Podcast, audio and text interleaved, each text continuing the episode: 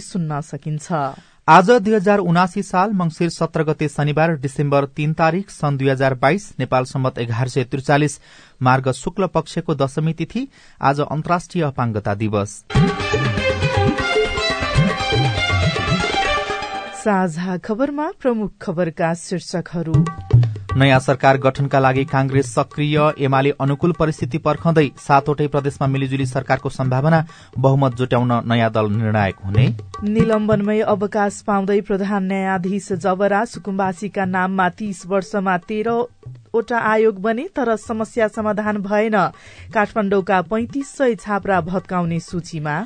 मूल्य वृद्धि अझै बढ़न सक्ने राष्ट्र बैंकको संकेत बागमतीका मुख्यमन्त्रीको हस्तक्षेपले सवारी ट्रायलमा अंक प्रणाली फेरि रोकियो। सामाजिक सुरक्षा कोषबाट अठार सय भन्दा बढ़ी योगदानकर्ताले पैंतिस करोड़ सापटी लिए। शर्त सहित युक्रेनसँग युद्ध विरामको विषयमा छलफल गर्न रूसी राष्ट्रपति पुटिन तयार। युद्धमा हालसम्म तेह्र हजार युक्रेनी सेनाको मृत्यु। युरोपियन युनियनले रूसी तेलमा तोक्यो मूल्यको सीमा। र विश्वकप फुटबलको नकआउट समीकरण पूरा आज नेदरल्याण्ड र अमेरिका तथा अस्ट्रेलिया र अर्जेन्टिना बीच खेल हुने।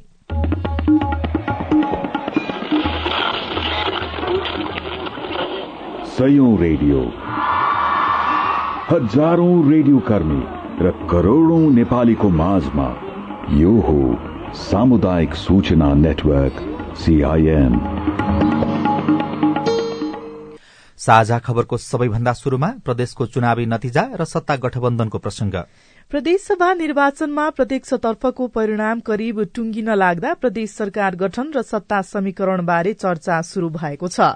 हालसम्मको परिणाम अनुसार सातवटै प्रदेशमा कुनै दलको एकल सरकार बन्ने सम्भावना छैन। सरकार गठनका लागि कुन प्रदेशमा कस्तो समीकरण बन्न सक्ला? प्रदेश एकको प्रदेशसभामा प्रत्यक्षतर्फ छप्पन्न निर्वाचन क्षेत्रकै अन्तिम मत परिणाम सार्वजनिक भइसकेको छ। प्रत्यक्षतर्फ सत्ता गठबन्धनले उन्तिस सीट पाएको छ। एमालेको पच्चीस र राप्रपाको दुई गरी विपक्षी गठबन्धनमा सत्ताइस सीट हुने देखिन्छ।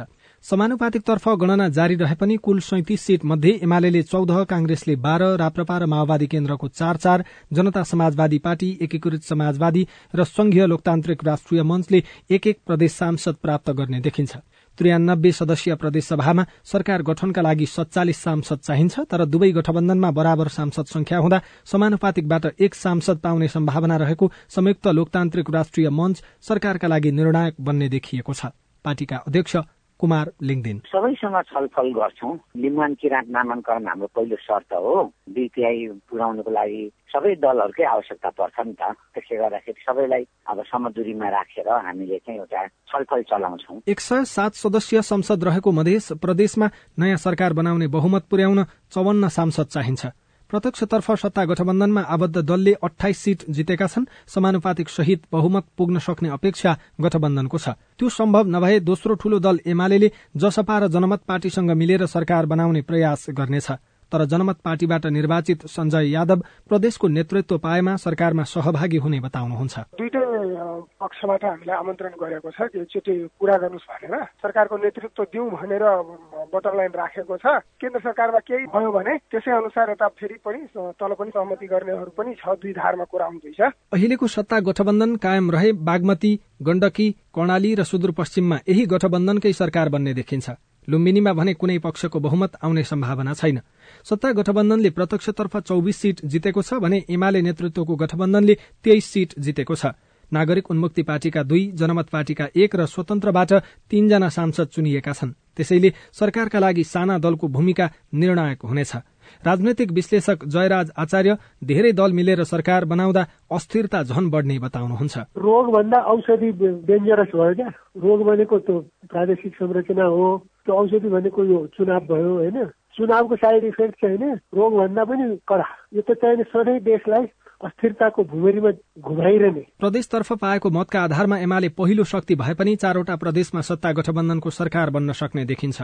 अन्य प्रदेशमा भने दुवै पक्ष बहुमत पुर्याउने कसरतमा छन् तर भागबण्डा मिलाउन दलहरूलाई चुनौती छ। संघीय सरकारमा बन्ने गठबन्धनले पनि प्रदेश सरकार निर्माणमा निर्णायक भूमिका निर्वाह गर्ने देखिन्छ। अविनाश आचार्य सीआईएन काठमाडौँ। प्रदेशमा कसले सरकार गठन गर्ने र कसले नेतृत्व गर्ने भन्ने कुरा स्पष्ट भइसकेको छैन भने संघमा पनि त्यस्तै अवस्था देखिएको छ।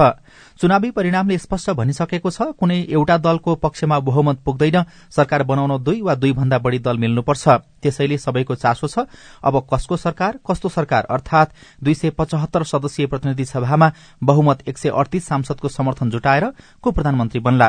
प्रत्यक्षतर्फ तीनवटा क्षेत्रको परिणाम सार्वजनिक हुन बाँकी छ। समानुपातिकतर्फ दलहरूले पाउने सीटको मोटामोटी हिसाब भइसकेको छ। र पनि पाँच दलीय सत्ता गठबन्धनमा पक्षमा सहजै बहुमत एक सय अडतीसजना सांसद पुग्ने स्थिति देखिएको छैन। विपक्षी एमालेलाई पनि बहुमत जुटाउन आफ्नो नेतृत्वमा सरकार बनाउन कठिन अवस्था छ।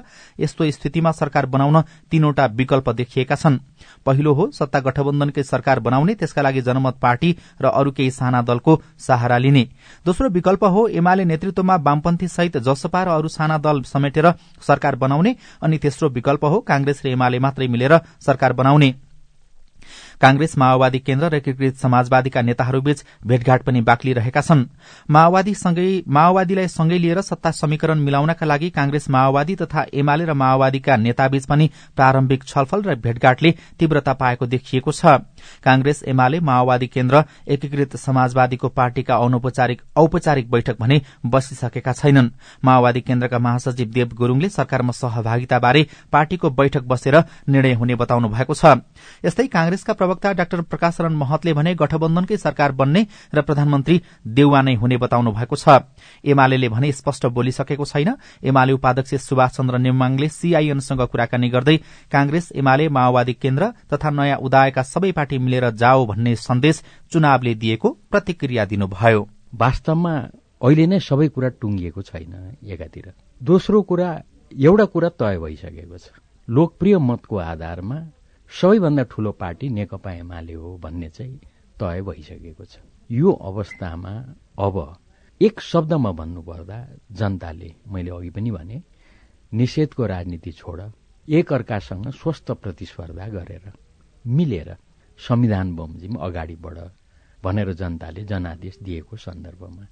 अब जनताको यो नयाँ जनादेश बमोजिम हामीले छलफल गर्ने सल्लाह गर्ने र देशलाई ठिक निष्कर्षतर्फ अगाडि बढाउन पहल गर्ने समय आएको छ।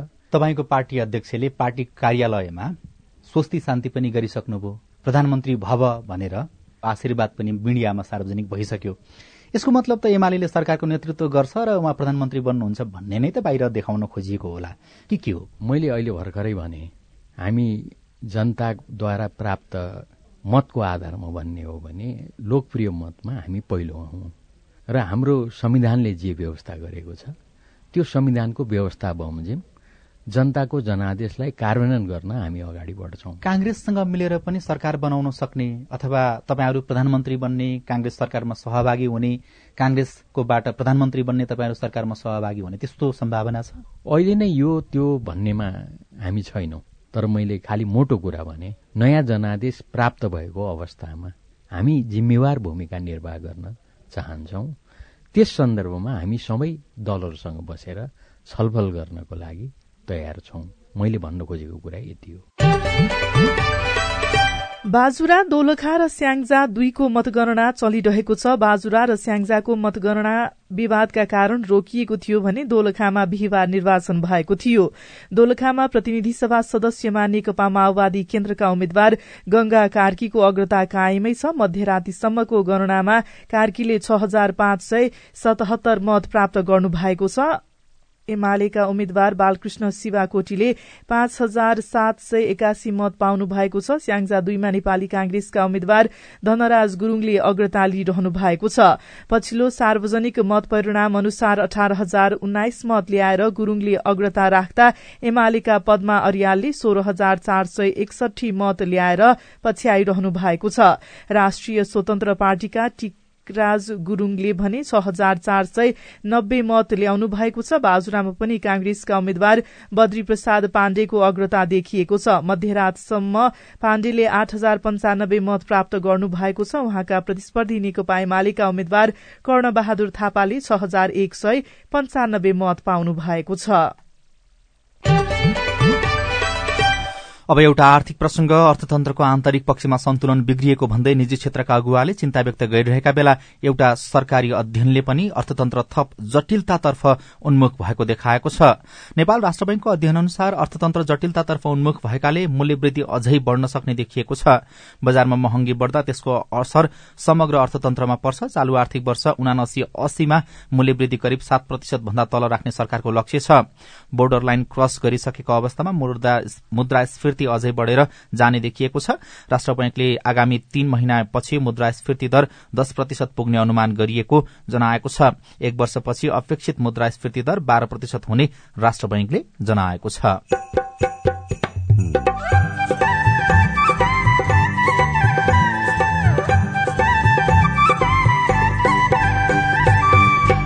सामुदायिक सूचना नेटवर्क सीआईएन मार्फत देशभरि प्रसारण भइरहेको साझा खबरमा नागरिकलाई स्थानीय तहबाट सूचना पाउन मुस्किल। सूचनाको हक प्रयोग गरेर निवेदन दिँदाखेरि सूचना उपलब्ध नगराउने आनाकानी गर्ने विभिन्न कारणहरू देखाएर कर्मचारीहरू पन्छिने जनप्रतिनिधिहरू पनि यसप्रति जवाफदेही देखिँदैनन् गम्भीर देखिँदैनन्। सुकुम्बासीका नाममा तीस वर्षमा तेह्रवटा आयोग बने तर समस्या समाधान भएन। काठमाडौँमा पैंतिस सय छाप्रा भत्काउने सूचीमा लगायतका खबर बाँकी नै छन्। सीआईएनको साझा खबर सुन्दै गर्नुहोला। होइन के सुनेको यस्तो ध्यान दिएर दोहोरो बोलेको जस्तो नि देख्दिन। तिन दुई एक शून्य शून्य क्या? तिन दुई एक शून्य शून्य? के हो त्यो भने? बुझिन त। ल सुन एनटिसी प्रयोगकर्ताहरूले आफ्नो मोबाइल तथा ल्यान्डलाइनमा तीन दुई एक शून्य शून्य डायल गरी समाचार रेडियो कार्यक्रम खेल र अन्य विषय बारे सन्देशहरू जुनसुकै बेला निशुल्क सुन्न सक्छन्। ओहो निशुल्क? कस्तो सजिलो। समाचार सुन्न छुट्यो भनेर पिर लागेको थियो। अब त म पनि सुनिहाल्छु। कति रे? तिन दुई एक शून्य शून्य। बीएससी फरेस्टीमा भर्ना फारम भर्ने म्याद बढाइएको सूचना।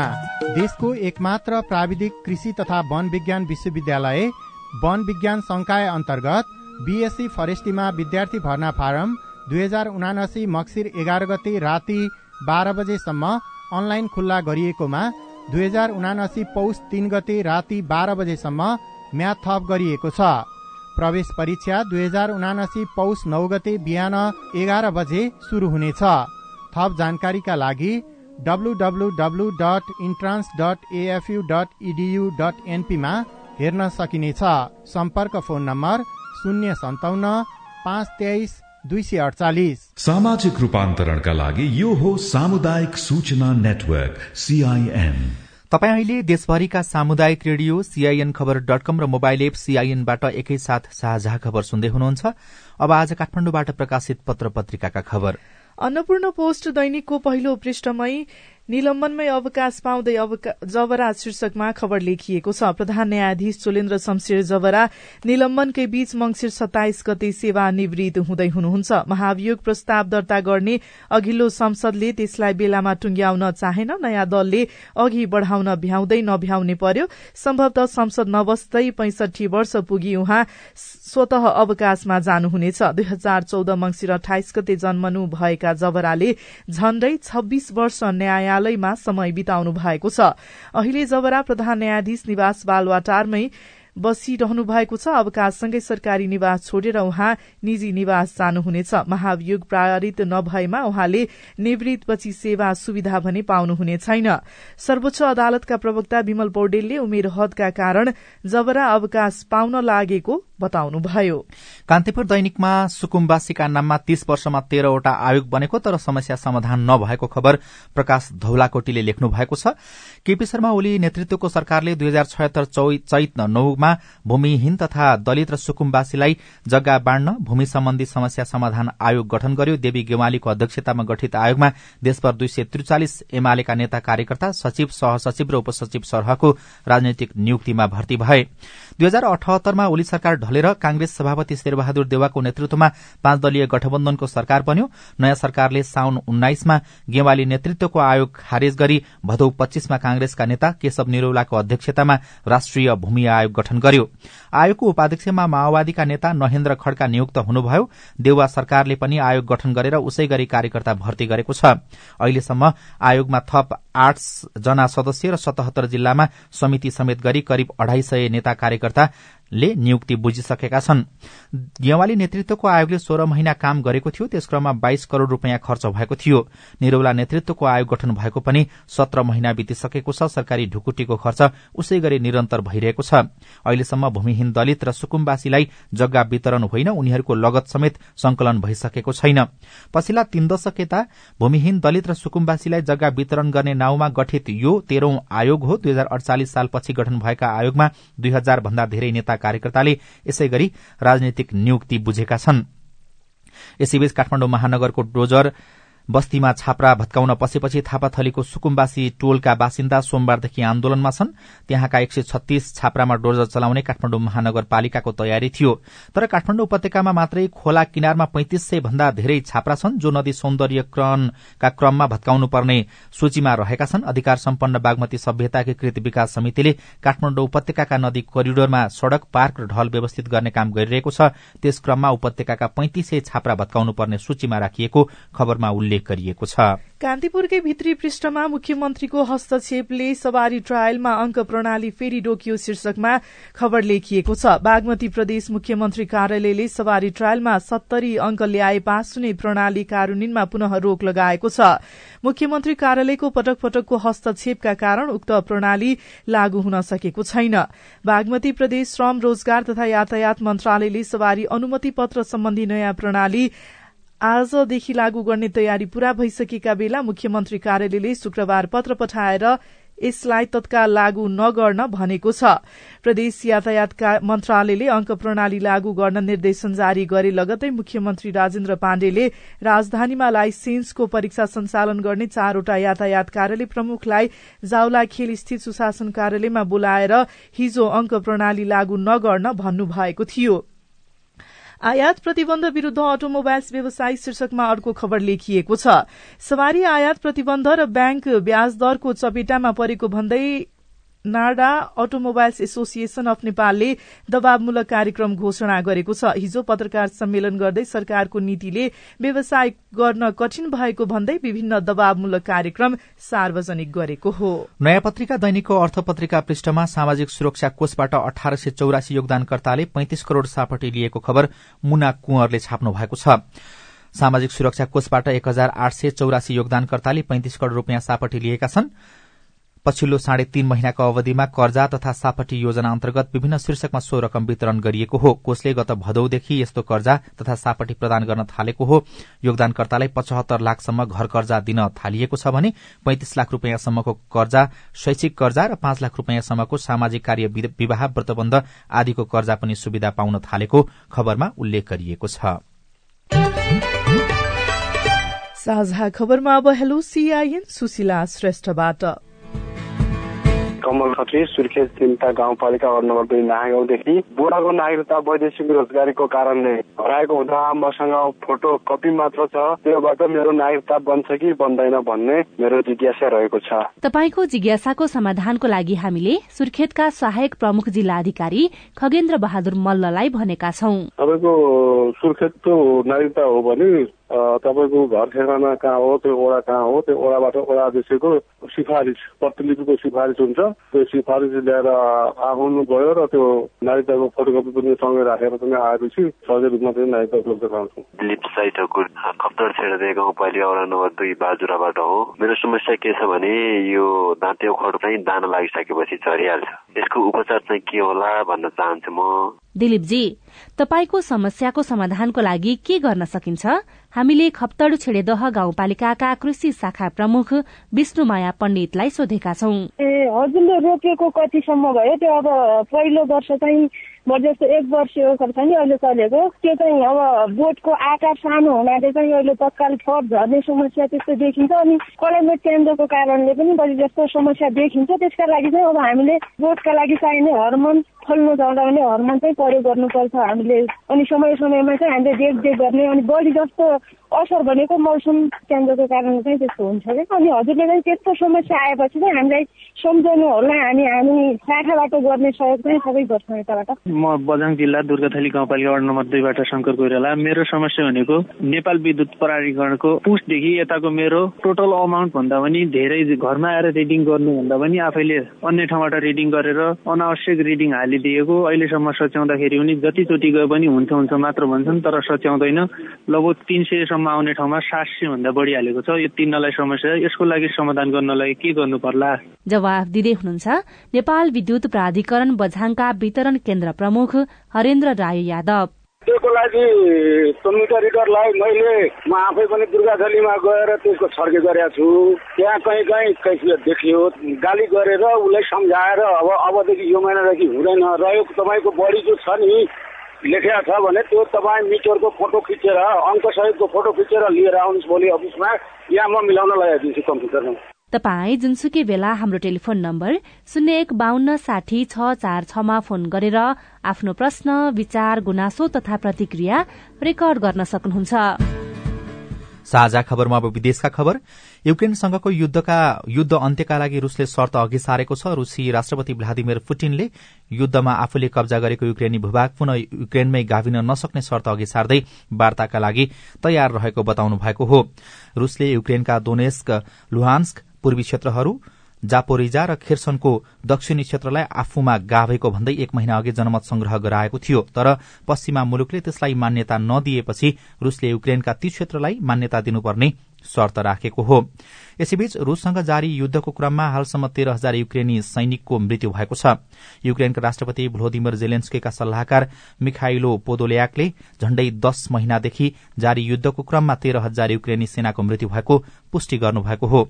पोदोल्याकले पोदोल्याकको जानकारीलाई भने सरकारी निकायले हालसम्म पुष्टि गरेको छैन। युद्धका युद्धमा हालसम्म एक लाख सेना घाइते भएको पनि बताइएको छ र युरोपियन युनियनले रूसी तेलको मूल्यमा सीमा निर्धारण गरेको छ। रूसको विरोधका बीच युरोपियली युनियनले रूसी तेलको मूल्य प्रति ब्यारेल साठी डलर निर्धारण गरेको हो। युनियनमा सहभागी सत्ताइस मुलुकले मूल्य निर्धारण बारेको सम्झौता पत्रमा हस्ताक्षर समेत गरेका छन्।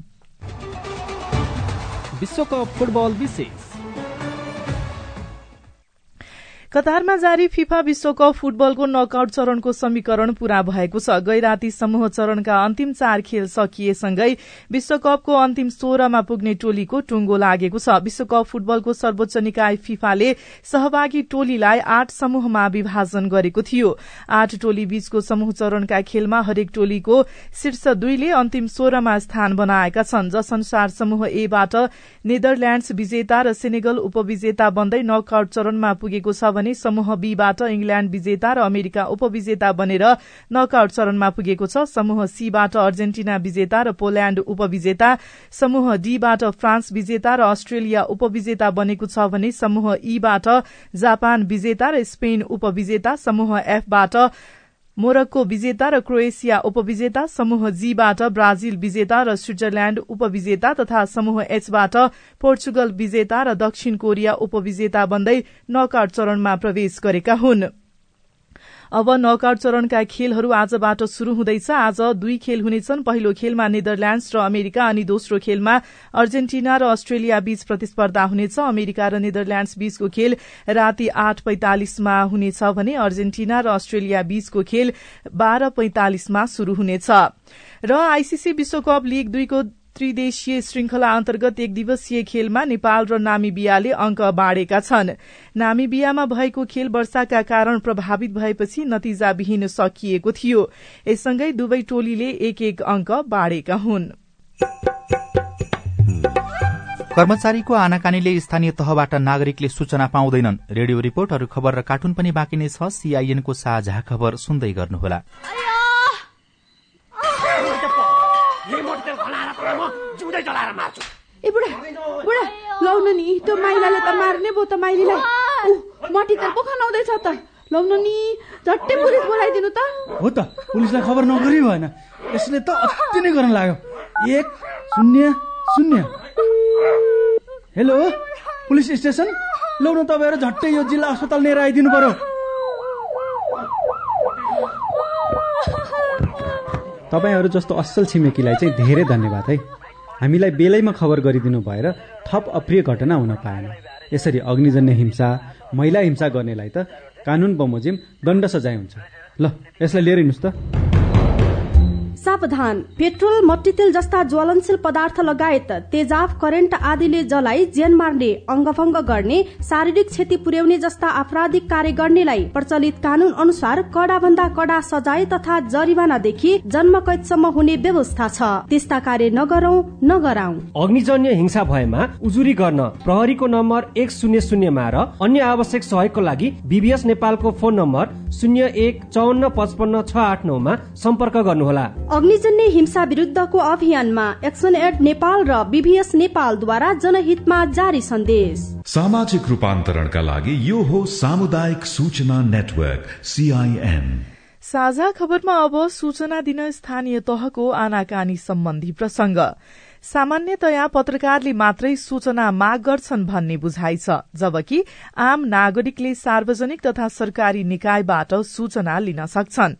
सूचनाको हक सम्बन्धी ऐन दुई हजार चौसठीले आम नागरिकलाई सूचनाको पहुँच सुनिश्चित गरेको छ। तर स्थानीय तहमा भने सूचना लिनु र दिनुपर्छ भन्ने मान्यता स्थापित हुन सकेको छैन।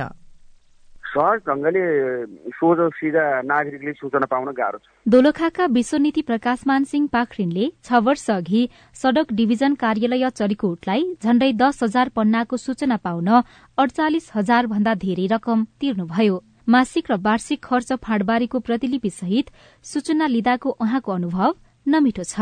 मैले सूचना माग गर्दाखेरि पहिला त यो मान्छेले के नियतले सूचना माग गर्यो भित्री उसमा चाहिँ यसले पैसा माग गरेको नियोजित स्वार्थको लागि हो भन्ने कुरा उहाँहरूको बुझाइ हुँदछ।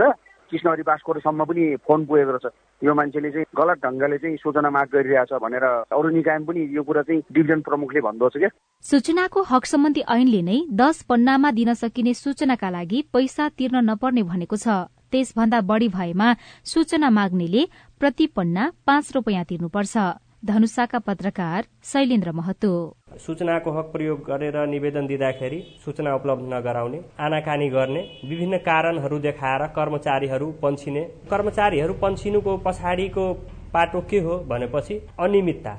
जनप्रतिनिधिहरू पनि यसप्रति जवाफदेही देखिँदैनन् गम्भीर देखिँदैनन्। नागरिक स्तरबाट माग हुने जानकारी सूचना उपलब्ध गराउन प्रत्येक सरकारी तथा सार्वजनिक निकायले सूचना अधिकारीको व्यवस्था गर्नुपर्छ। स्थानीय तहको पहिलो कार्यकाल पूरा भइसक्दा सूचना अधिकारी तथा प्रवक्ता भने बानी परिसकेका छैनन्। दोलखाको भीमेश्वर नगरपालिका र पाल्पाको तानसेन नगरपालिकाका सूचना अधिकारीद्वय जगदीश अरियाल र भरत प्रसाद आचार्य। कोही भ्रष्टाचार विरुद्धको अभियन्ता हुनुहुन्छ कोही सदाचारको अभियन्ता हुनुहुन्छ। नगरपालिका स्थापना भएदेखिका सम्पूर्ण खर्चका विवरणले अनि कुन आर्थिक वर्षको यो विवरणले त्यो मेलबाट आउँछ व्यक्ति आउँदैन। अघिल्लो कार्यकालको सम्पूर्ण खर्चको विवरण दे भनेर माग्यो भने हामी दिन सक्छौँ। चौमासी प्रगतिका प्रतिबन्धहरू पठा भनेर मागिरहेको हुन्छ हामी त एउटा सूचना अधिकारी भनेको त पाठ मात्रै हो हाम्रो। हाम्रो आफ्नो दायित्व आफ्नो जिम्मेवारीहरू त कति छन् कति छन्? राष्ट्रिय सूचना आयोगले दिएको आदेश अनुसार प्रत्येक तीन महिनाको गतिविधि सो अवधि सकिएको पन्ध्र दिनभित्र अनिवार्य नियमित ढंगले स्थानीय तहले सार्वजनिक गर्नुपर्छ। यस्तो आदेश पालना नगरे पच्चीस हजार रूपियाँसम्म जरिवाना दैनिक दुई सय जरिवाना विभागीय कार्यवाही अटेरी बापत थप दस हजार जरिवाना हुने व्यवस्था छ। आयोगका पूर्व प्रमुख आयुक्त कृष्ण हरिवासकोटा। तपाईँ सूचना अधिकारी भनेको एउटा खालि फोकल पर्सन हो। तपाईँ फोकल पर्सनले किन यसरी पालिका ठेग्नु भएको हामी पनि विधि विधानले चल्या भन्यौँ भने यो सूचना अधिकारीको काम अत्यन्त सरल हुन्छ। जति तपाईँले चाहिँ गलत चिजको प्रक्षेपण गर्न सूचना अधिकारी साथीहरू खोज्नुहुन्छ त्यति सूचना अधिकारी साथीहरू पनि दल दलमा फँस्दै जानुहुन्छ। के सूचना अधिकारीलाई दनादन कारवाही गर्ने भनिएको छ? तपाईँको लेखापालले तपाईँको चाहिँ प्रमुख प्रशासकले तपाईँको मेयरले खाएको घुस उनले चाहिँ खाएको ढुङ्गा गिटी बालुवा तपाईँ नै संरक्षण गर्नुहुन्छ। तपाईँ दण्डित नभएर को सूचना अधिकारी दण्डित नभएर को हुन्छ त? अधिकांश स्थानीय तहमा अन्य महत्वपूर्ण जिम्मेवारीमा रहेका संगठनको बारेमा जाने बुझेका व्यक्तिलाई सूचना अधिकारी तोक्ने गरिएको छ। उनीहरूलाई उक्त जिम्मेवारी दिए बापत मोबाइल फोन निर्णायक तहको छलफलमा सहभागिता भ्रमणमा प्राथमिकता लगायतका सुविधा तथा प्राथमिकता दिनु भन्ने सूचना आयोगको निर्देशन छ।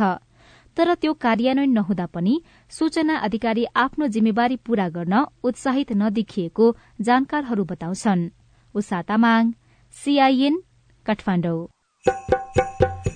रिपोर्टसँगै हामी साझा खबरको अन्त्यमा आइपुगेका छौं। सामुदायिक रेडियो प्रसारक संघद्वारा संचालित सीआईएनको बिहान छ बजेको साझा खबर सक्नु अघि मुख्य मुख्य खबर फेरि एकपटक। नयाँ सरकार गठनका लागि कांग्रेस सक्रिय एमाले अनुकूल परिस्थिति पर्खिँदै सातवटै प्रदेशमा मिलिजुली सरकारको सम्भावना बहुमत जुटाउन नयाँ दल निर्णायक हुने। निलम्बनमै अवकाश पाउँदै प्रधान न्यायाधीश जबरा सुकुम्बासीका नाममा तीस वर्षमा तेह्रवटा आयोग बने तर समस्या समाधान भएन। मूल्य वृद्धि अझै बढ़ने राष्ट्र ब्याङ्कको संकेत बागमतीमा मुख्यमन्त्रीको हस्तक्षेपले सवारी ट्रायलमा अंक प्रणाली फेरि रोकियो। शर्तसहित युक्रेनसँग युद्धविरामको विषयमा छलफल गर्न रूसी राष्ट्रपति पुटिन तयार युद्धमा हालसम्म तेह्र हजार युक्रेनी सेनाको मृत्यु। र विश्वकप फुटबलको नकआउट चरणका खेल आजबाट शुरू हुँदै। साझा खबरको अन्त्यमा कार्टुन लिएका छौं। हामीले पहिलो पोस्ट डट कमले बनाएको कार्टुन। यहाँ देखाउन खोजिएको छ प्रधानमन्त्री जस्ता देखिने व्यक्ति हुनुहुन्छ कानको उपचार गरिन्छ भनेको ठाउँमा पुग्नु भएको छ। त्यस्तै माओवादीका अध्यक्ष पुष्पकमल दाहाल प्रचण्ड जस्ता देखिने व्यक्ति पनि हुनुहुन्छ। खास चुनावलाई यसमा जोड्न खोजिएको छ। राष्ट्रिय स्वतन्त्र पार्टीले यसपटक शीर्ष दललाई र नेतृत्वलाई हैरान बनायो। घण्टी चुनाव चिन्हले हायल कायल पार्यो पाका पुस्ताका नेताहरू कानको उपचारका लागि अस्पताल पुगाएको जस्तो देखिएको छ पुगेको जस्तो देखिएको छ अनि माथि चाहिँ यस्तो लेखिएको छ। लौ न कानको जाली नै फुट्ने गरी बजाएछन् नि बजियाहरूले। हवस् त प्राविधिक साथी सुभाष पन्तलाई धन्यवाद। अहिलेलाई राजन रुचाल र स्नेहा कर्ण विदा भयो। तपाईँको आजको दिन शुभ होस्। नमस्कार। यसपछि देशभरिका सामुदायिक रेडियोबाट कार्यक्रम सोधी खोजी प्रसारण हुनेछ। सुन्ने प्रयास गर्नुहोला।